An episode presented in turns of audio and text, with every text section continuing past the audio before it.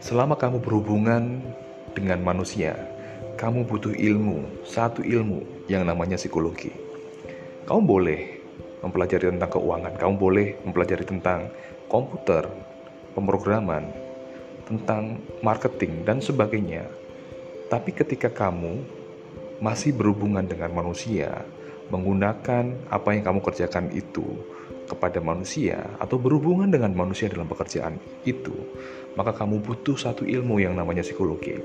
Nah, bagaimana kalau kamu dapetin semua ilmu psikologi di podcast ini?